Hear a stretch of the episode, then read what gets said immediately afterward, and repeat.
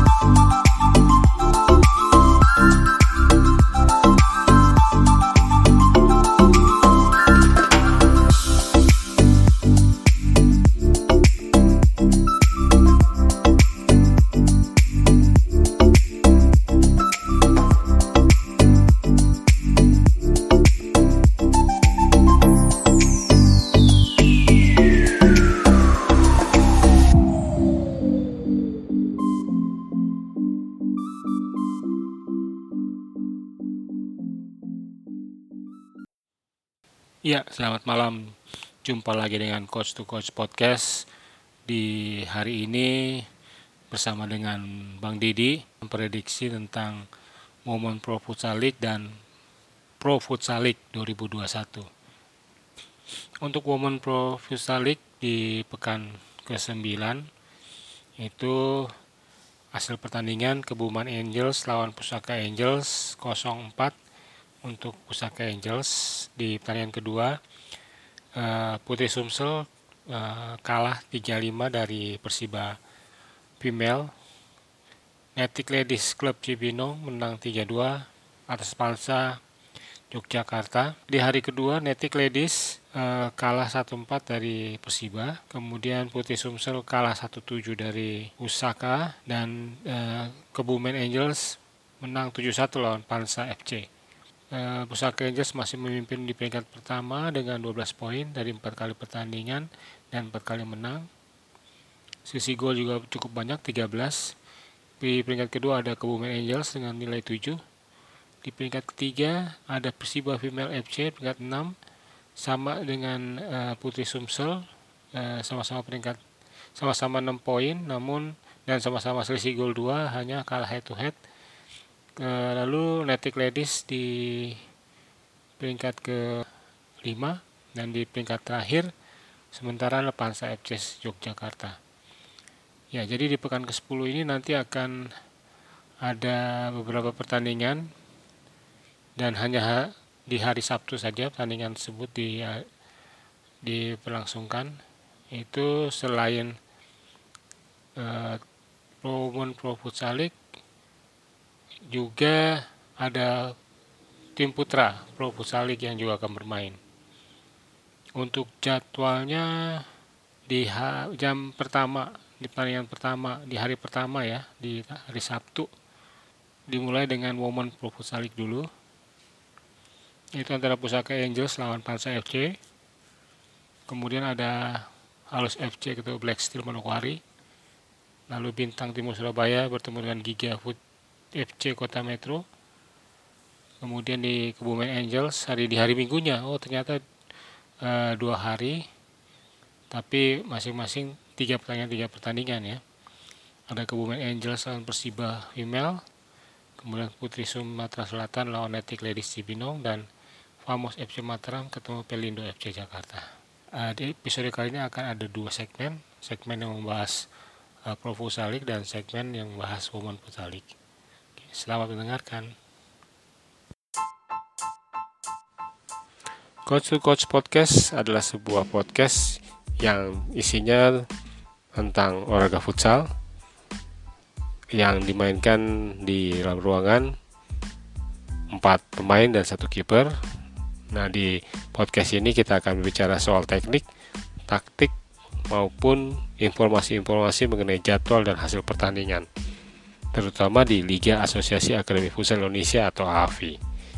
Nah, kita akan menampilkan juga narasumber-narasumber dari berbagai uh, tempat dan pelatih-pelatih yang berkualitas. Semoga obrolan ini bermanfaat bagi pemirsa. Selamat mendengarkan.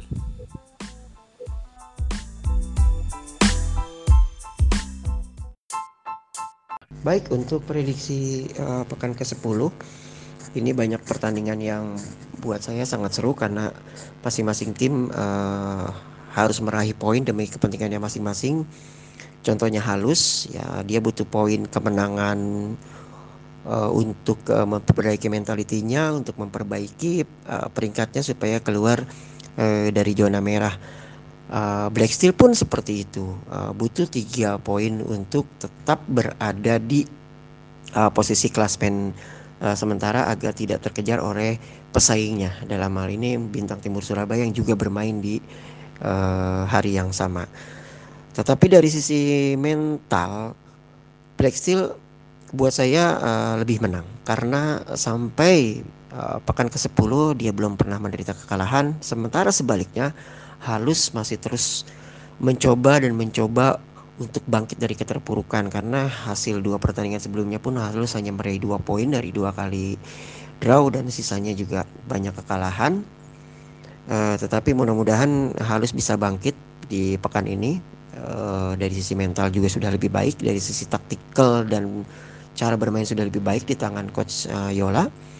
Dan saya berharap ini akan menjanjikan pertandingan yang seru, masing-masing punya uh, kepentingannya masing-masing demi peringkat, demi poin. Dan yang menarik lagi adalah adanya Ikri di Halus yang harusnya bisa membocorkan hal-hal uh, taktikalnya Black Steel karena dia tahun sebelumnya bermain bersama mereka di pelatih yang sama dan teman-teman yang tidak hampir banyak yang berubah uh, karena Ikri pun juga salah satu pemain yang ya, penting di Black Steel di tahun sebelumnya ketika meraih juara. Gitu ya. Jadi ini ada ada sisi menarik ada sisi emosional dari uh, Ikri uh, sendiri.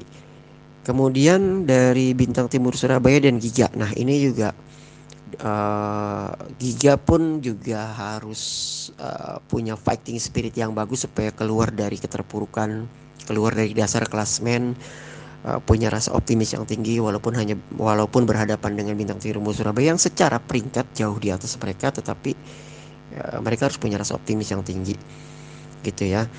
Uh, untuk Bintang Timur Surabaya uh, keunggulannya mereka bermain di home, bermain di Surabaya. Ya iklimnya mereka sudah tahu karena mereka sehari-harinya berlatih di Surabaya. Sisi lapangan juga mereka sudah lebih hafal dari Giga. Dari sisi mental, taktik dan teknik pun saya rasa Bintang Timur Surabaya juga lebih unggul dari Giga gitu ya dan uh, Bintang Timur Surabaya pun butuh poin untuk mengejar ketertinggalan dari Black Steel dan supaya tidak terkejar oleh uh, peringkat di bawahnya. Menarik untuk disaksikan pertandingan ini yang uh, tetapi untuk saya uh, keunggulan masih ada di uh, Bintang Timur Surabaya 60% dan Giga FC 40%. Kemudian Pamos Mataram dan Pelindo, dua tim yang pekan-pekan sebelumnya mendapat hasil yang begitu tidak baik, yang negatif buat saya. Apalagi Famos juga banyak menderita kekalahan yang uh, lumayan tinggi dari sisi kemasukannya. Pelindo pun juga agak lumayan tinggi juga kemasukannya tetapi keunggulan Pelindo adalah mempunyai pemain senior-senior yang bisa cepat mengatasi ya, tekanan dan keadaan untuk keluar dari keterpurukan ini supaya uh, Pelindo bisa uh, meratas ke papan atas mengejar ketertinggalan dari klub-klub uh, di atasnya. Uh, untuk pertandingan Famos Mataram dan Pelindo saya memprediksi 50% uh, 50%. Saya berharap semua tim di pekan ke-10 ini 6 tim ini sudah menampilkan performa terbaiknya ya dan tim-tim lain juga di pekan-pekan selanjutnya menjelang uh, putaran pertama ini sudah menunjukkan performa terbaiknya karena sudah berjalan 10 pekan sudah agak lama juga mereka bersama berlatih gitu ya. Sehingga liga ini lebih kompetitif tidak ada tim yang jomplang gitu secara secara permainan atau secara skor dengan uh, tim-tim yang lain. Uh, sehingga saya harapkan uh, kompetisi Liga Pro ini lebih seru lebih kompetitif. Uh, itu aja prediksi dari saya. Uh, terima kasih.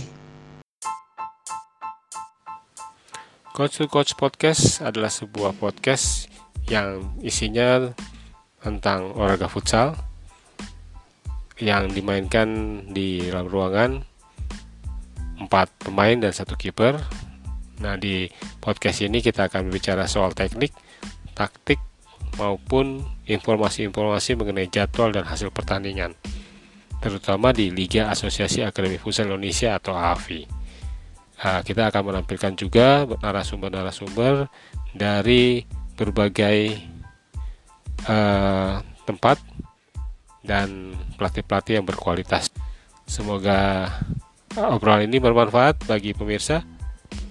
Selamat mendengarkan.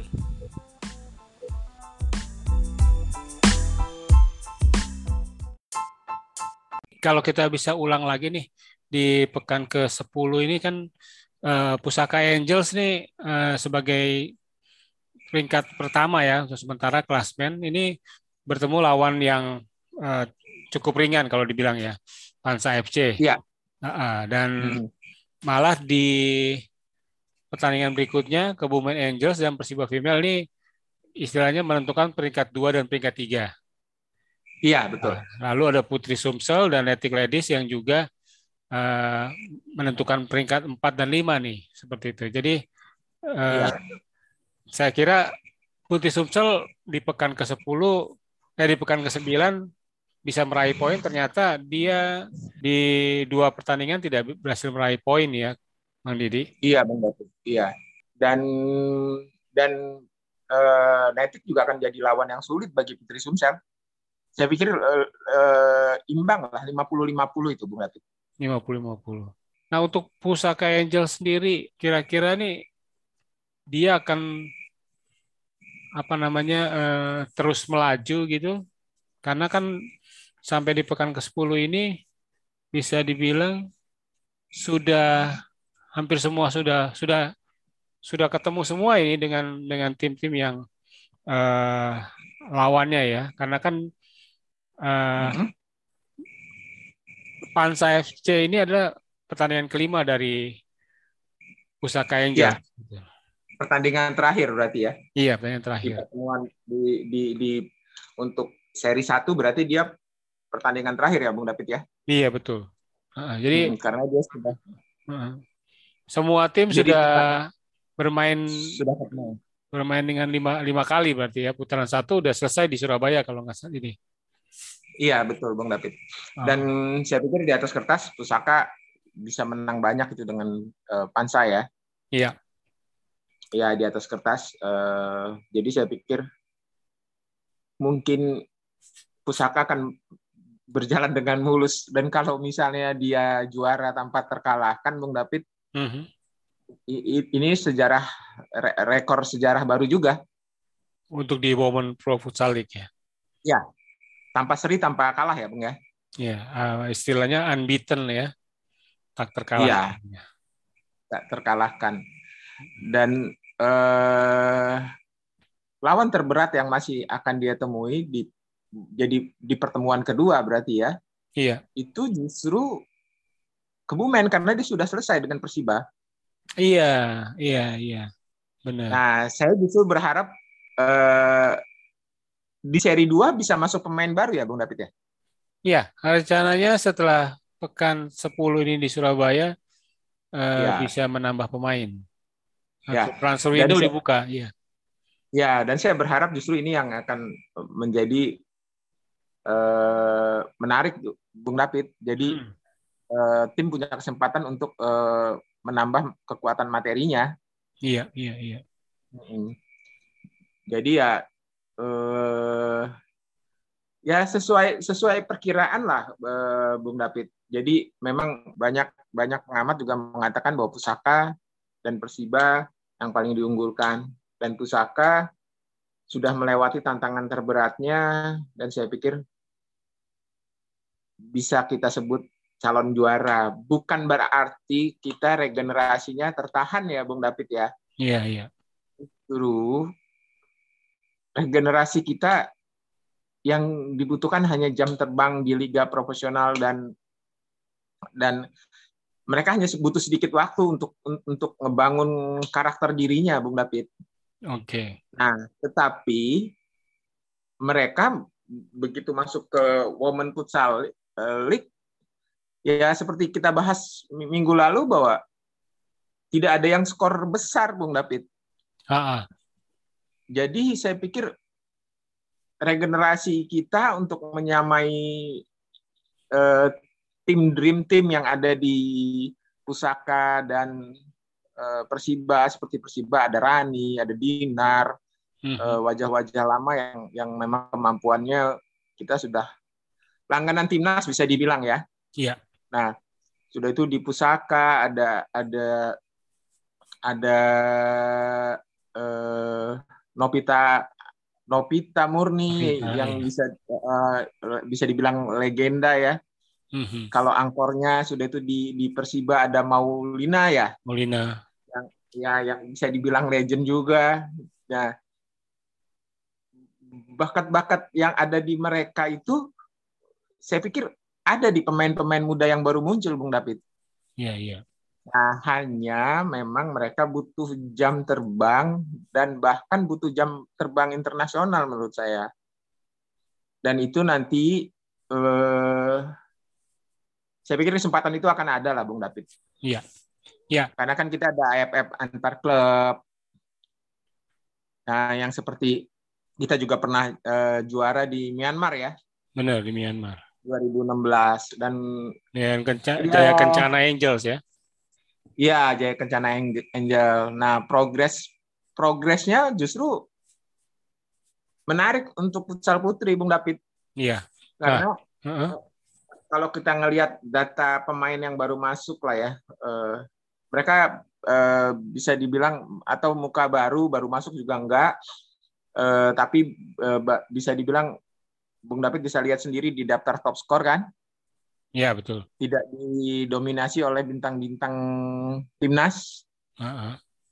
Nah itu sudah membuktikan bahwa bahwa kita punya goal getter goal getter uh, handal yang saya harap salah satu di antara mereka ada yang bisa masuk timnas gitu Bung David. Iya. Nah kalau di akan... uh, di pekan 9 ini ada uh, apa namanya best of five ini kita lihat juga wajah-wajah baru ya Misalkan ya. uh, pivotnya di sini ada Ike Rosita dari Putri Sumsel. Lalu ada ya. di Ala tuh ada Nisma, Fransida, hmm. dan Dinar dari Kebumen Angels. Uh, Dinar, Dinar, Dinar pemain lama. Oh Persiba ya. Sorry, sorry. Ya, Persiba. Persiba. Persiba. Dinar dan Nisma Persiba. Kemudian ya. ada Yunita Sari di Pusaka. Iya, itu juga pemain lama ya. Dan menarik hmm. ini ada kiper juga nih, mungkin bisa jadi ada apa? Uh, Citra Disti juga ada teman yang bisa uh, ada penerusnya lah yang bisa menggantikannya. Ini Diana yeah. ya dari Pusaka yeah. Angels. Iya betul. Uh -uh.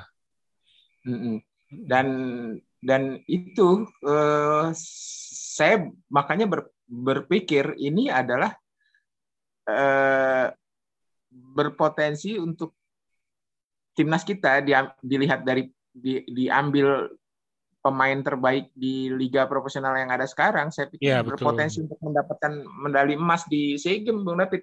Iya, iya, di iya. Vietnam nanti. Yakin saya malah. Iya.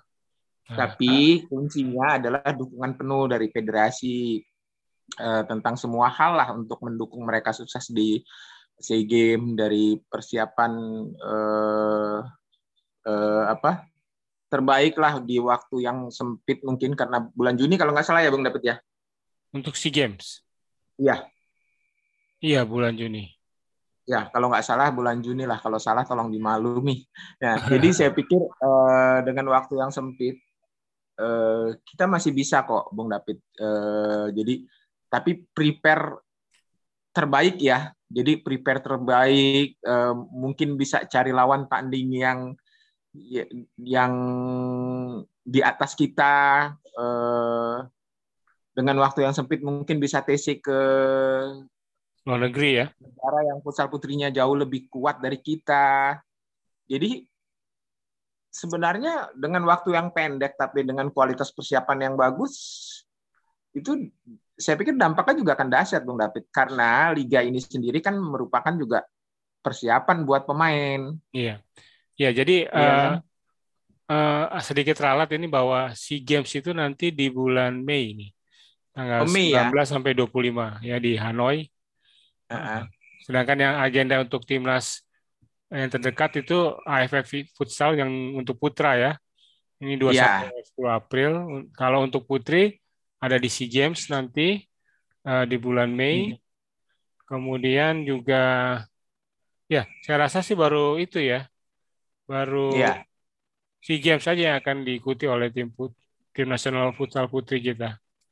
Iya, agenda terdekat ya. Iya, agenda terdekat. Nah, itu kita sangat berpotensi untuk untuk emas, Bung David. Karena eh, saya pikir titik masa kejayaan eh, pemain-pemain sebagian pemain-pemain kita itu harusnya di sekarang, Bung David. Iya.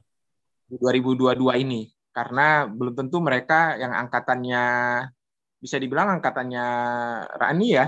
Hmm. Eh, uh, angkatan Citra Adisti. Citra Adisti. Jadi yeah. iya, jadi mereka apa ya? Mereka memberikan bukti peningkatan yang bagus uh, dari mereka 2016 bisa juara antar klub uh, dengan Jaya Kencana Angel di Myanmar, 2017 mencain sejarah pertama kali dapat perunggu. Lebih dari itu sebenarnya juga mereka masih bisa karena peruntungannya memang kurang, tapi secara permainan mereka nggak kalah sama Vietnam dan Thailand. Bung David 2017, seingat saya Thailand mendapatkan emas, Vietnam eh, perak dan Indonesia perunggu. Oke. Okay. Dan dan itu medali pertama untuk timnas futsal putri kita, Bung David.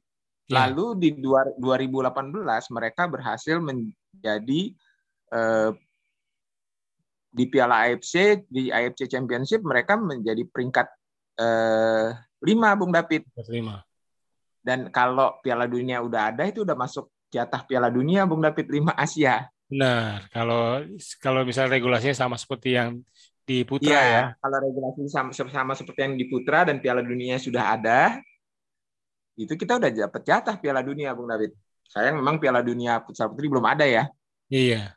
Nah, iya. Oke. Okay. Nah ini uh, karena ini kita udah tinggal sedikit lagi nih Bang Didi. Uh, iya. Untuk pelatih timnas futsal putri nih, kira-kira siapa nih Bang Didi? Saya kok uh, dengan waktu yang sempit ya Bung David ya.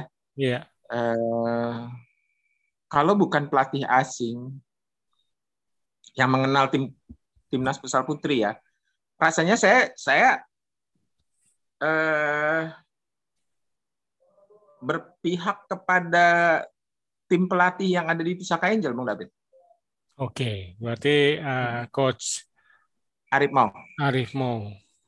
Ya, karena dia sudah sudah apa ya? Dia dia cukup konsisten di tim putri, Bang David. Dan ya. prestasinya cukup bagus dan saya pikir mudah nggak terlalu sulit bagi dia karena dia sangat mengenal pemain-pemain putri kita Bung David.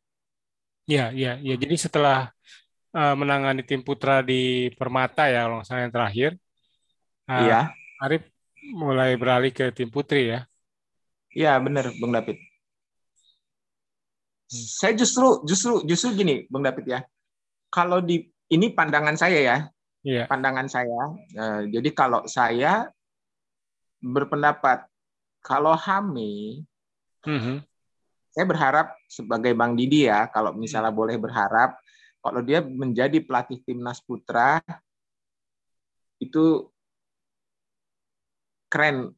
Uh, saya pikir kita kita akan mencapai target yang diinginkan lah untuk lolos AFC pastinya ya, Bung David ya. Iya. Karena kan kalau tiga tiga tiga terbaik AFF lolos AF, AFC ya, Bung David ya. Nah, hmm. uh, kalau Putri kok saya berpendapat pelatih lokal, kalaupun ada pelatih asing hanya sebatas uh, direktur teknis, uh, Bung David. Oke. Okay. Gitu, karena saya belum melihat ada yang uh, se apa ya sekuat Kensuke gitu, hmm. Bung David. Kalau Kensuke itu dia dekat dengan kita, dia penyesuaian apa ya? Uh, dia benar-benar sudah dia benar-benar bisa bisa bahkan saat dia berhenti banyak yang kehilangan Bung David. Iya betul. Bukan cuma pemain futsal putra, bahkan pemain futsal putri. Jadi eh, ada sesuatu yang yang yang nggak nggak yang yang yang istimewa memang di dia dan kalau ya. misalnya ya. kalau kita ber berpatokan kepada eh, siapa pelatih paling mengenal eh, pelatih berkualitas tapi mengenal pemain-pemain kita. Ya, ya. Kalau untuk untuk futsal putri, kalau Kensuke nggak ada, saya kok masih ke lokal ya. Iya, gitu. iya. Iya. Mm-hmm. Oke, ya, oke Bang Didi, ini uh, terima kasih ini udah bincang-bincangnya nih karena waktu juga nih yang terbatas. Iya, uh, terima kasih Bung David. Apa namanya? prediksinya dan kemudian uh, tentang kekuatan tim putri kita yang sudah mulai uh, merata ya artinya pemain-pemain hmm. yang baru ini udah mulai bisa mendekati kemampuannya mendekati kemampuannya dengan uh, seniornya seperti itu ya. Iya, dan usianya sangat-sangat pada muda, Bung David. Iya, dan dan itu cukup berpotensi lah ya untuk untuk ke depan. Iya. Iya. Betul. Oke, terima kasih nih Bang Didi uh, bincang-bincangnya hari Sama -sama, ini. Uh, semoga tim uh, tim futsal putri kita juga semakin membaik dan punya berprestasi seperti uh, tidak hanya tim putra yang kita yang selalu kita iya. banggakan, tapi tim putri futsal kita juga kita juga patut banggakan. Oke, okay? ya, betul banget. Terima kasih Bang Didi. Uh, salam futsal Indonesia. Ya, salam futsal Indonesia, Bung David.